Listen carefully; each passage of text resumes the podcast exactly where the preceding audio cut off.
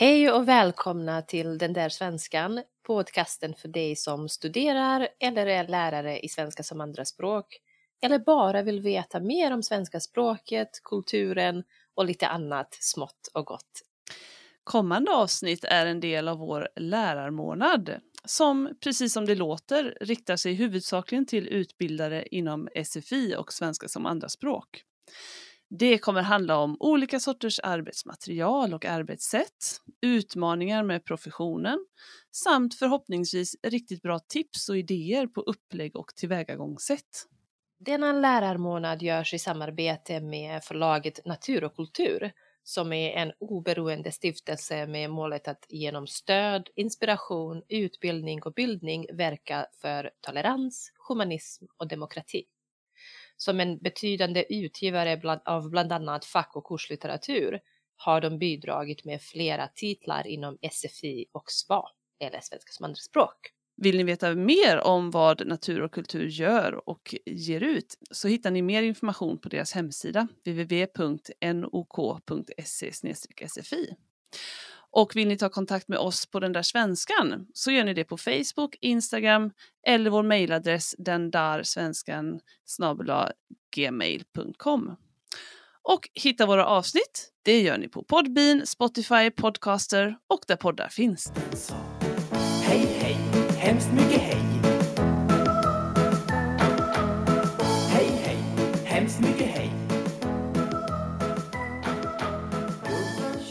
Ja, och i detta första avsnitt har vi äran att prata med Johanna Immonen.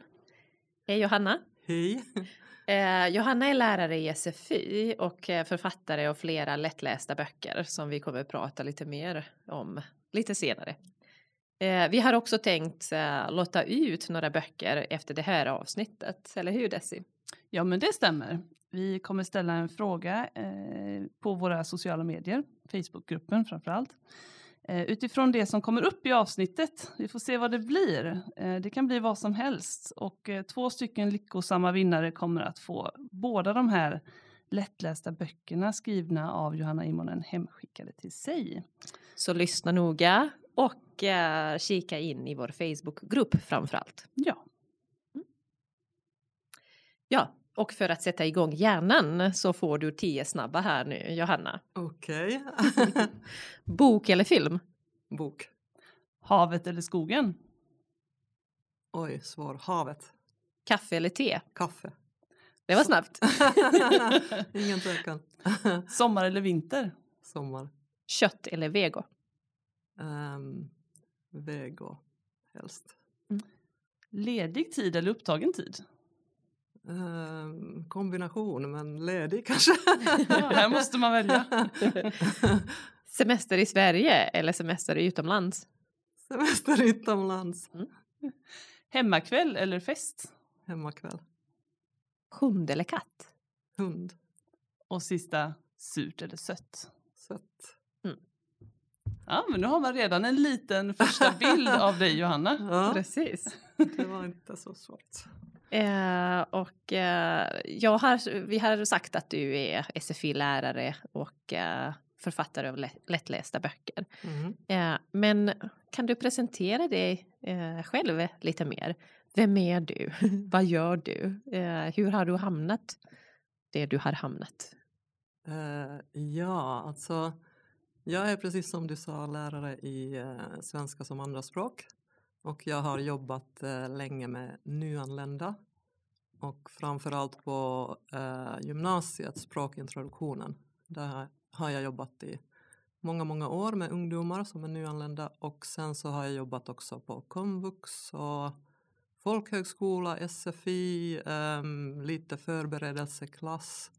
Så jag har provat lite allt möjligt. Men eh, just nu så jobbar jag på en eh, hotell och restaurangskola. Och där eh, har vi en sån här kombokockutbildning. Där jag jobbar tillsammans med en yrkeslärare. Och utbildar kockar. Och jag är där därför att de läser kurser på gymnasienivå i matlagning och hygien och näring och allt sånt där. Men de har inte riktigt kommit så långt i svenskan så att de är på SFI, C eller D-nivå. Så där behöver de hjälp med svenskan och det är min roll.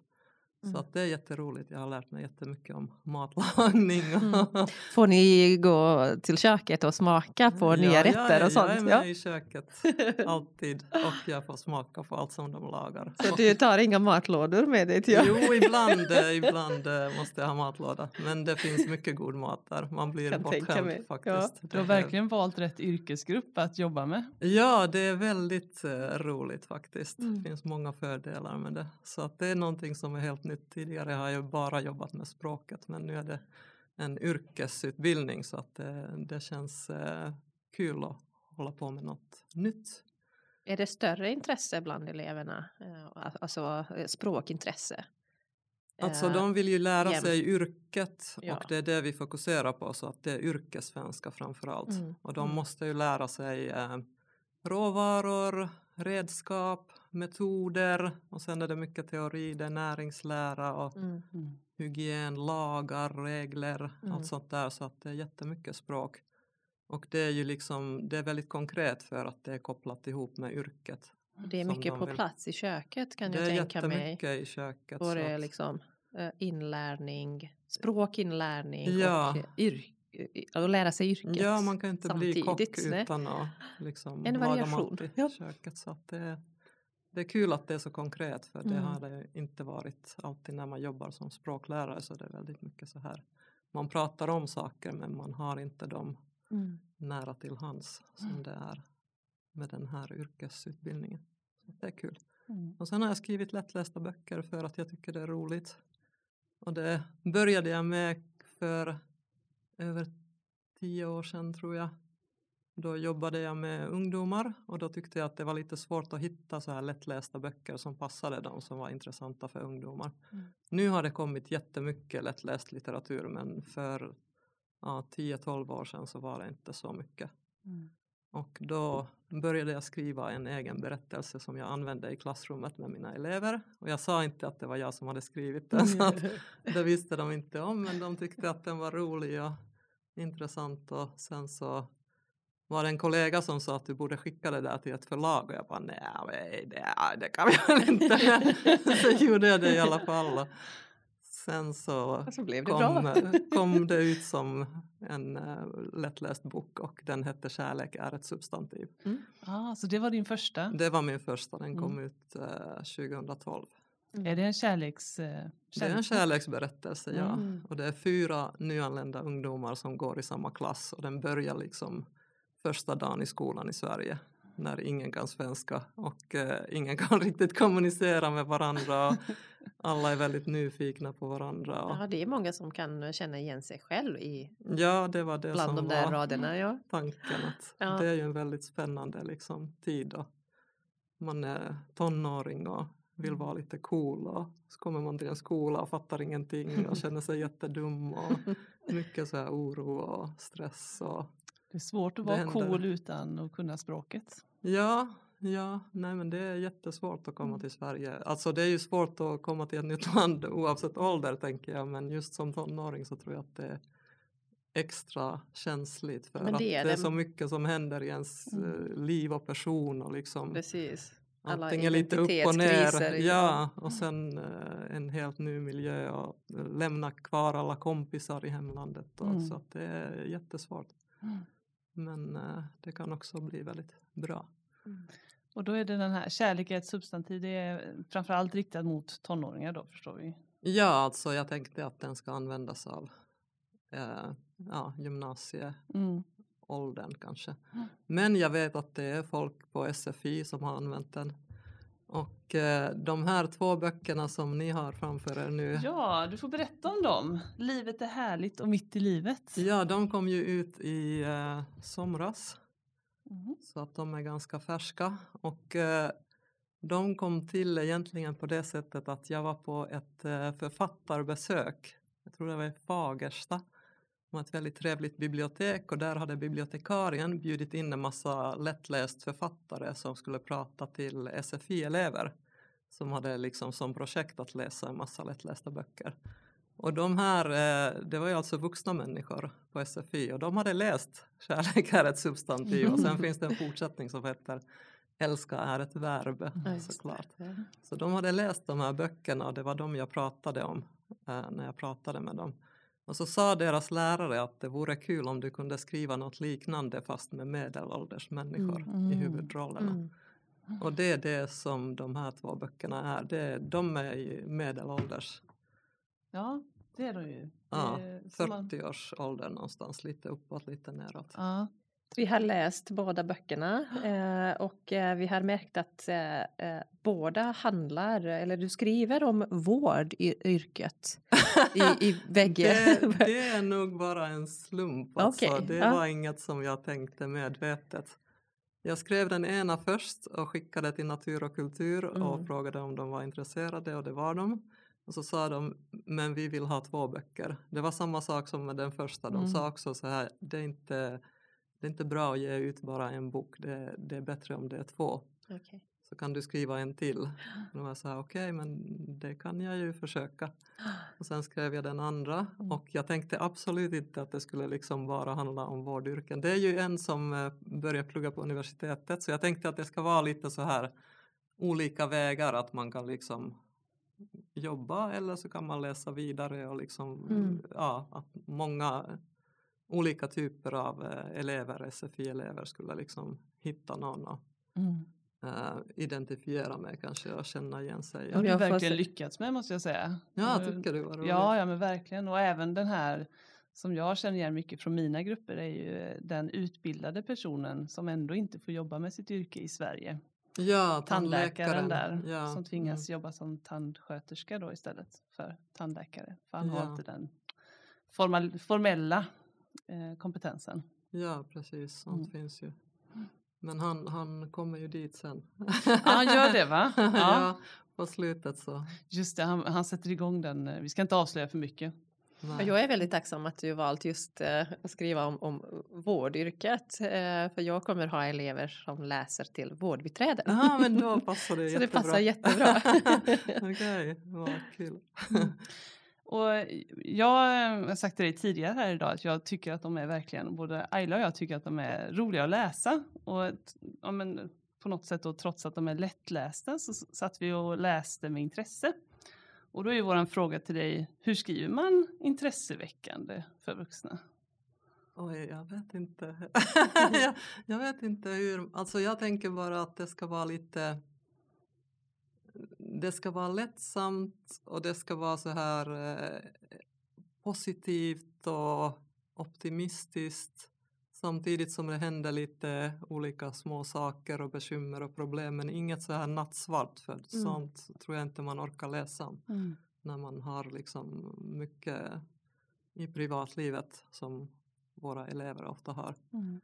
Så jag tänker att det ska liksom vara lättsamt och lite relationer och lite kärlek, lite jobb, lite familj, sådana här vanliga komponenter som vi alla Vardagliga. har. Vardag.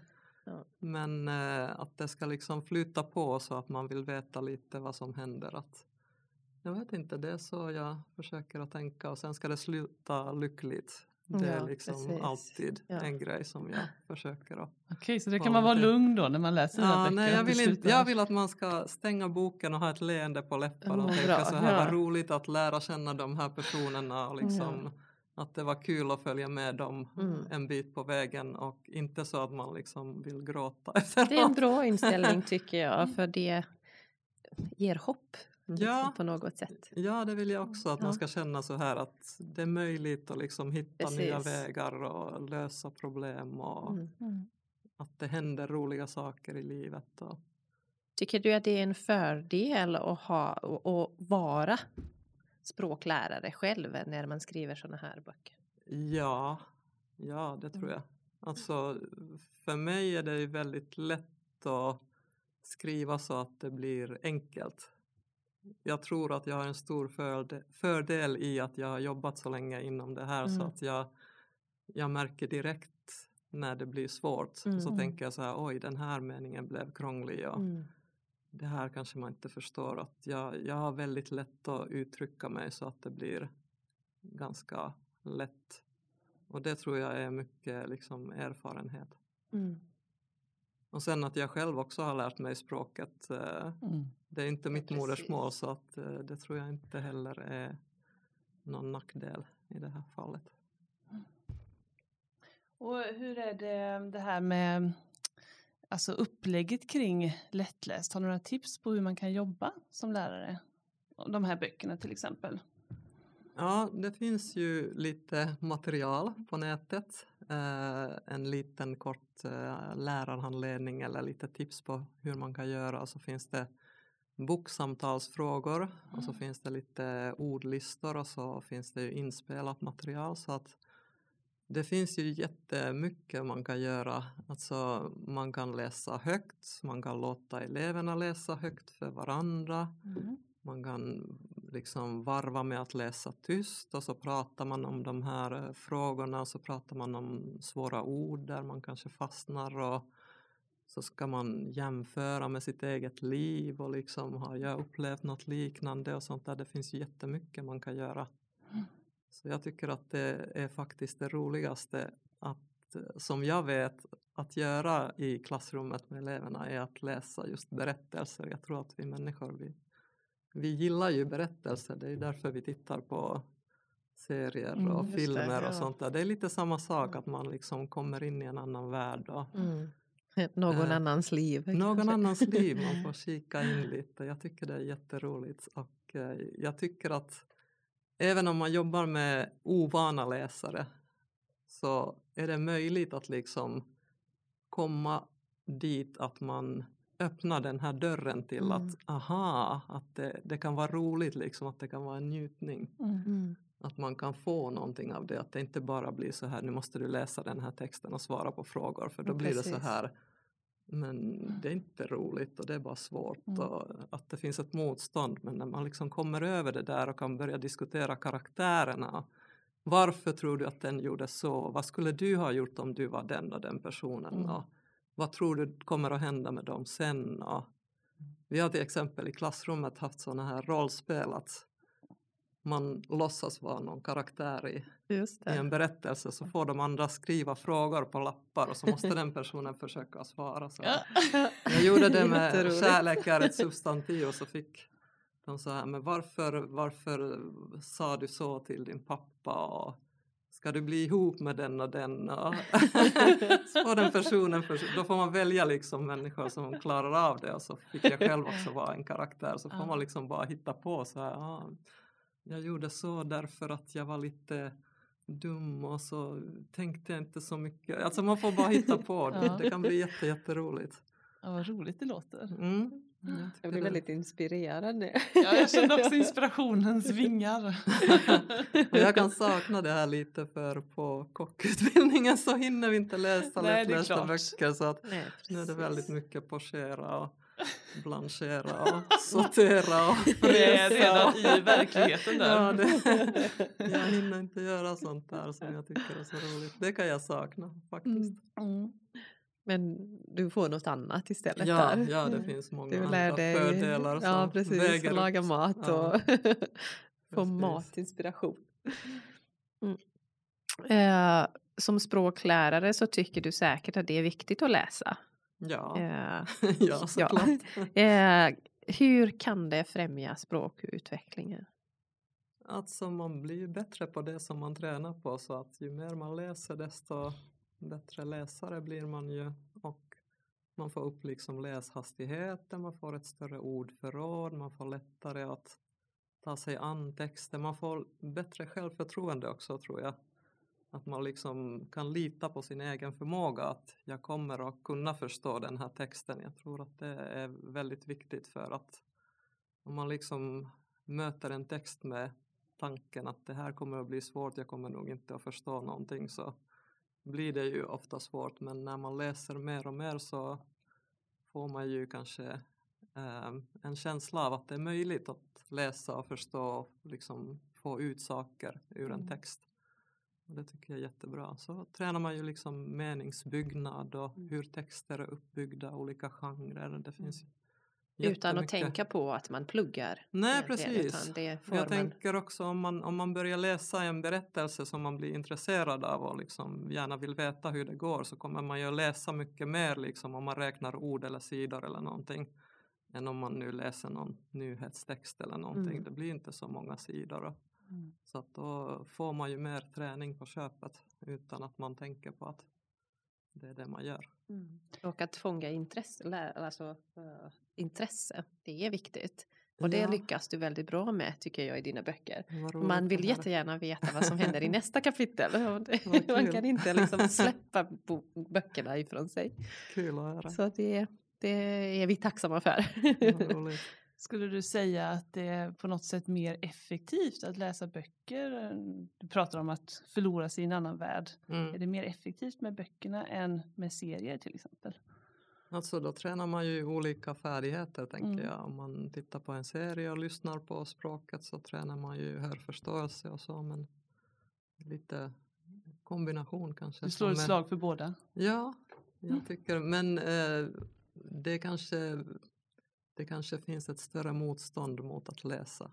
Alla tittar ju på serier och det är inte så Mm. svårt att få folk att lyssna på sånt. Mm. Men att eh, få sina elever att läsa mycket kan vara lite svårare kanske. Mm. Har du något tips på hur man kan eh, alltså väcka det här intresset? Läs, tror att- Läsintresse. Jag tror att det bästa är att läsa en gemensam bok Mm. Mm. och prata om det jättemycket. Innan man börjar läsa, vad tror du kommer att hända? Man kan ju liksom eh, väcka intresse genom att säga så här, okej nu ska vi läsa en berättelse som handlar om en man som är eh, ensamstående. Och så, vad tror ni, varför är han ensamstående? Mm. Har han skilt sig? Eh, har hans fru dött? Eller eh, kan det finnas något annat alternativ? han, har aldrig, han har aldrig träffat någon att Mm. vara kär i. Så får de rösta. Ja, just det. Mm. Och sen börjar man läsa och så Ja. får man liksom se så här, vem hade rätt? Jo, just det. Ja. Så att sådana knep ibland när jag har Skapa lite någon, spänning. Ja, i- och det behöver inte vara så jättestora saker nej, utan det ja. kan vara så här enkla saker. Jag kommer ihåg jag läste ehm, med en klass på gymnasiet så läste vi heter den Hjärtans fröjd. Den var lite svår för dem, den var Mm. lite kämpig och jag, och jag läste ju liksom ett kapitel i förväg och så märkte jag att det här kapitlet kommer att vara svårt för dem. Och då gjorde jag så att jag liksom ställde frågor. De kommer att gå ut. Ehm, kommer de att gå på bio eller på fest Mm. eller eh, stannar hemma och tittar på film? Typ sådana frågor. Mm, Och så mm. fick de liksom välja alternativ. Det kan man göra med Google Forms Mm, eller vad som helst. Och sen började de läsa och då var de jätteintresserade Mm, för precis. att bara få se om de rätt? hade rätt Det- eller ja. inte. En liten tävling emellanåt, det är aldrig fel. Ja, att man liksom kommer över en liten puckel ibland. Det kan vara i början eller någonstans där det blir lite segt så kan man tänka sig okej nu behöver man en extra boost. Så. Jättebra tips. Det är Handfast jättebra tips. tips. Precis. Ja. Mm. Har du några böcker sådär som du spontant skulle vilja rekommendera till eh, lärare som vill eh, få elever intresserade? Alltså det, Dina bästa boktips. oj, eh, det beror ju väldigt mycket på vad det är för grupp och vad det är för Mm. elever och liksom ålder och intressen och sådär. Men om vi Men- nu säger vuxna Jag har som ju lär sig vissa svenska. favoriter. Mm. Alltså en som jag har läst jättemånga gånger med olika klasser är ju äh, Kejsarna av Portugalien, Selma Lagerlöf i Mm. lättläst version. Jag måste erkänna, jag har aldrig läst originalet men jag kan den lättlästa versionen nästan utan till. Jag tycker den är så fin. Den funkar så bra, det finns så många teman där som liksom gäller många av våra elever. Eh, ekonomiska svårigheter, barn och föräldrar, eh, barn som vill hjälpa sina föräldrar ekonomiskt. Och så Eh, får de en klassiker på köpet. Ja, den är så fin och då brukar jag göra så att jag liksom jag delar ut böckerna och så börjar jag läsa eh, första korta kapitlet läser jag högt Mm. och de följer med i texten. Och när jag slutar så är det knäpptyst och alla har en tår i ögat. Mm. Oj! Den är så fin det där första korta kapitlet så att det, det tycker Mm. jag är en jättebra bok. Okej. Den har jag inte använt i min undervisning. Nej, inte jag heller faktiskt. Men eh, Ja, Efter, efter det här tipset så ska jag verkligen eh, läsa lättlästa versionen själv.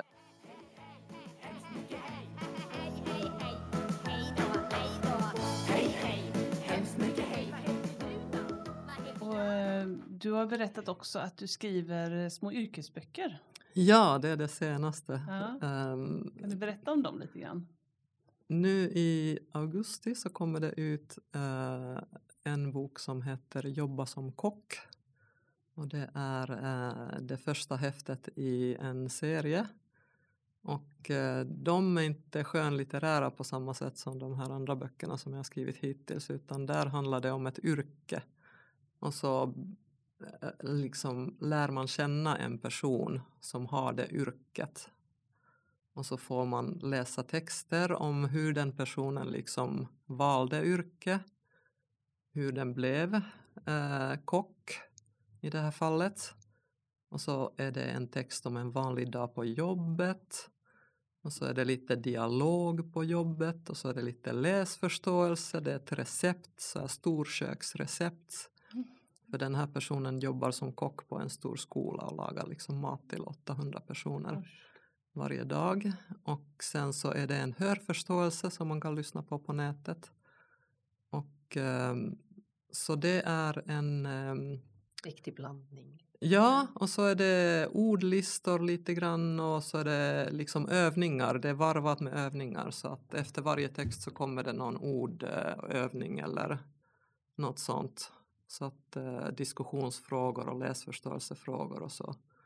Så att där är tanken att man ska liksom få inblick i ett vanligt yrke Mm.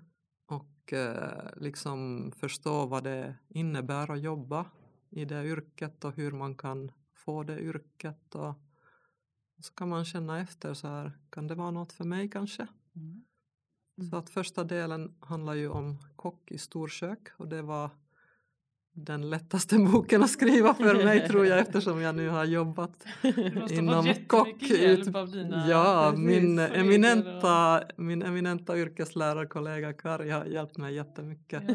Jag är väldigt tacksam för det. Så att eh, den var inte så svår att skriva och nästa del kommer att handla om en undersköterska inom äldrevården. Mm. Och det var inte heller, jag håller på att skriva den nu, den är nästan klar. Ehm, och jag har ju jobbat som vårdbiträde i äldrevården själv. När jag Mm. gick på universitetet så jobbade jag länge på ett servicehus. Så att jag har ju en egen inblick där och sen har jag en uh, före detta elev som jobbar just nu inom eh, på äldreboende som undersköterska så att jag har fått liksom aktuell eh, kunskap om hur det är idag. Men sen kommer det att bli svårare för sen, kommer, det- sen blir det barnskötare Mhm. och det har jag aldrig jobbat som men jag har ju eh, ett barn så att jag har lite, lite koll på jag har lite koll på vad det handlar om men jag har också en, eh, en före detta språkintroduktionselev som är barnskötare Ja, så jag bra. tänker intervjua henne. Mm. Jag ställer gärna upp för jag kommer att jobba med sådana elever. Ja, vad roligt. Så ja, men då, då kan vi ju prata om det. Jag har många frågor för jag vill att det ska bli korrekt. Jag vill inte att någon som har just det yrket liksom läser igenom och tänker det här är ju inte rätt liksom. Det, Mm. så kan det, inte klart. vara och här är det ett fel och det är jättelätt att liksom Mm. göra fel så att jag försöker att vara väldigt noga och kolla med de som verkligen vet att det, det låter realistiskt och rätt. Mm. Men sen, sen kommer det vara en, en bok om transport, alltså busschaufför eller taxichaufför och jag kör inte ens bil så det lär bli lite svårt men där har jag också lite kontakter.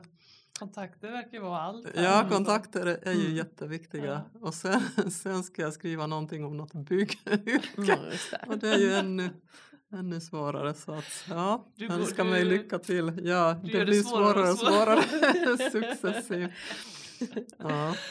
Ja, vad spännande. Hur, hur, hur är planen då med bygg där? Om du, du kanske har kontakter där också? Jag kan nog skaffa Man fram. får göra det. Ja. Ja, Mm. jag Mm. har kontakter inom bygglärare Mm. framför allt och sen Mm. har jag före detta elever säkert som Mm. jobbar inom det så jag kan ju försöka Mm. kontakta några.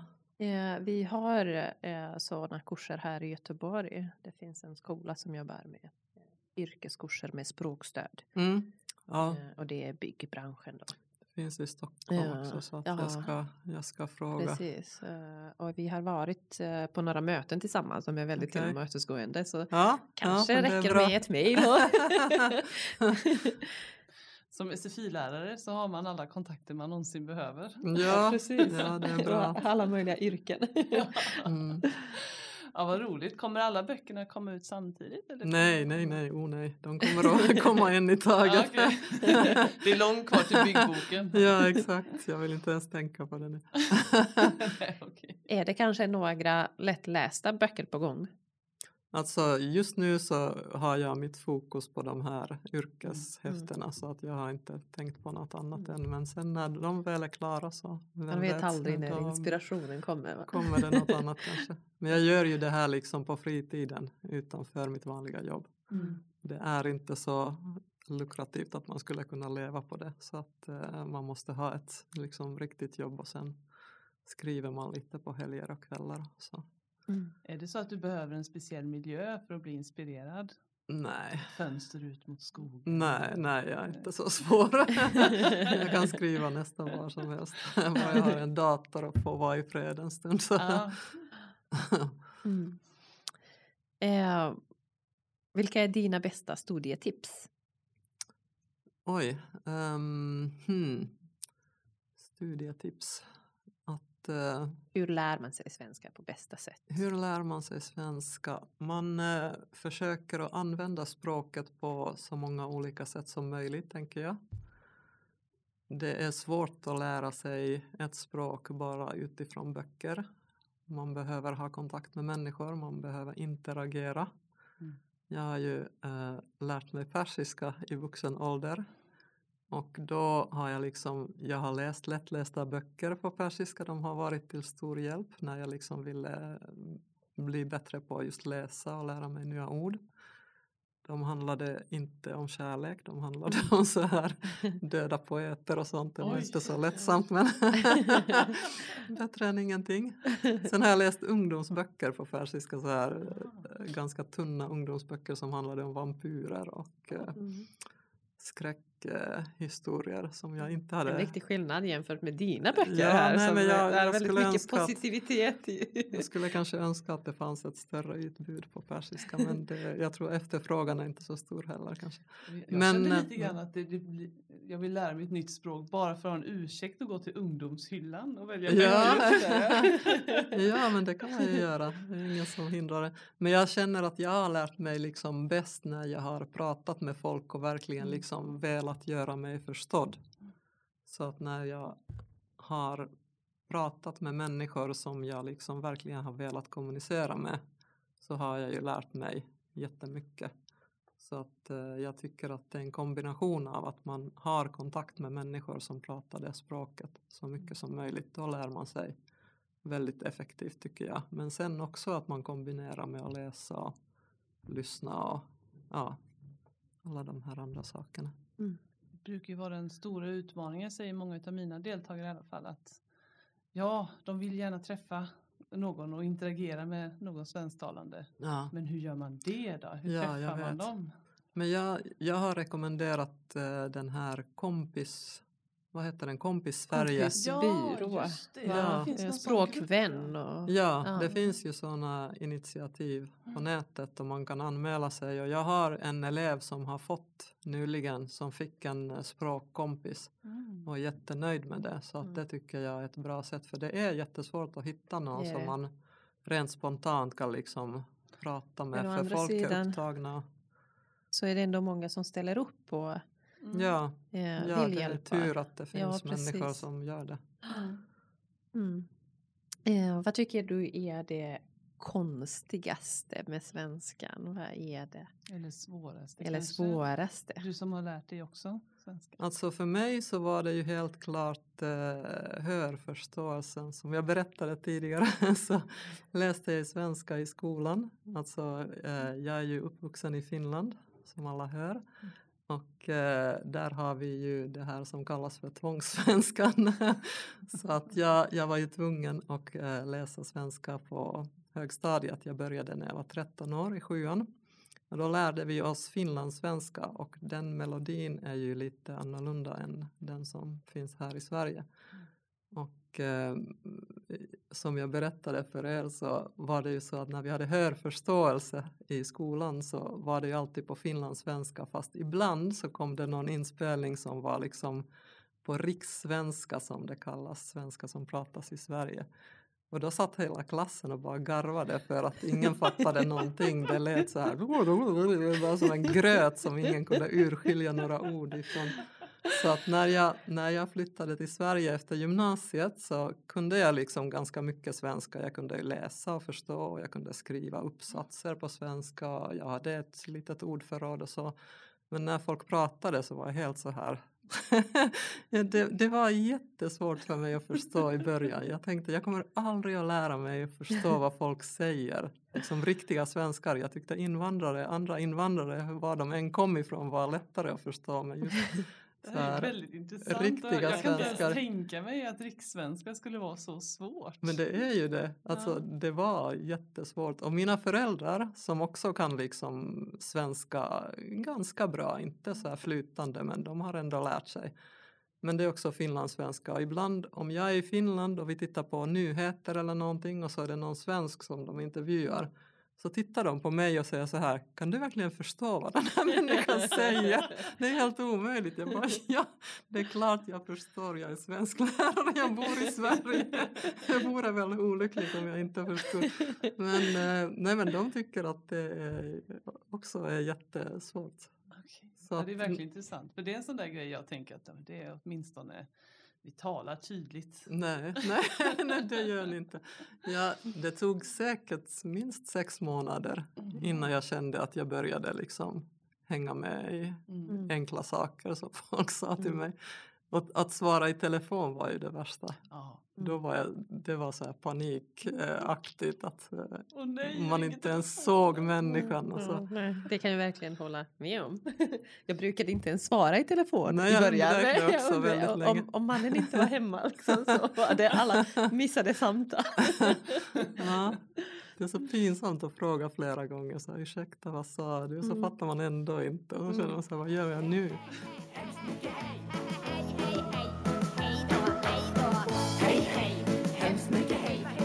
Vad tycker du är det lättaste eh, med svenskan? Alltså jag tycker att svenska är ett ganska enkelt språk ändå. Ja. Man behöver inte ha ett jättestort ordförråd för att klara sig. Man kan liksom lära sig ett så här kärnordförråd och komma ganska långt med det tycker jag. Mm. Och sen eh, grammatik är inte heller så här jätte, jättesvår tycker jag. Mm.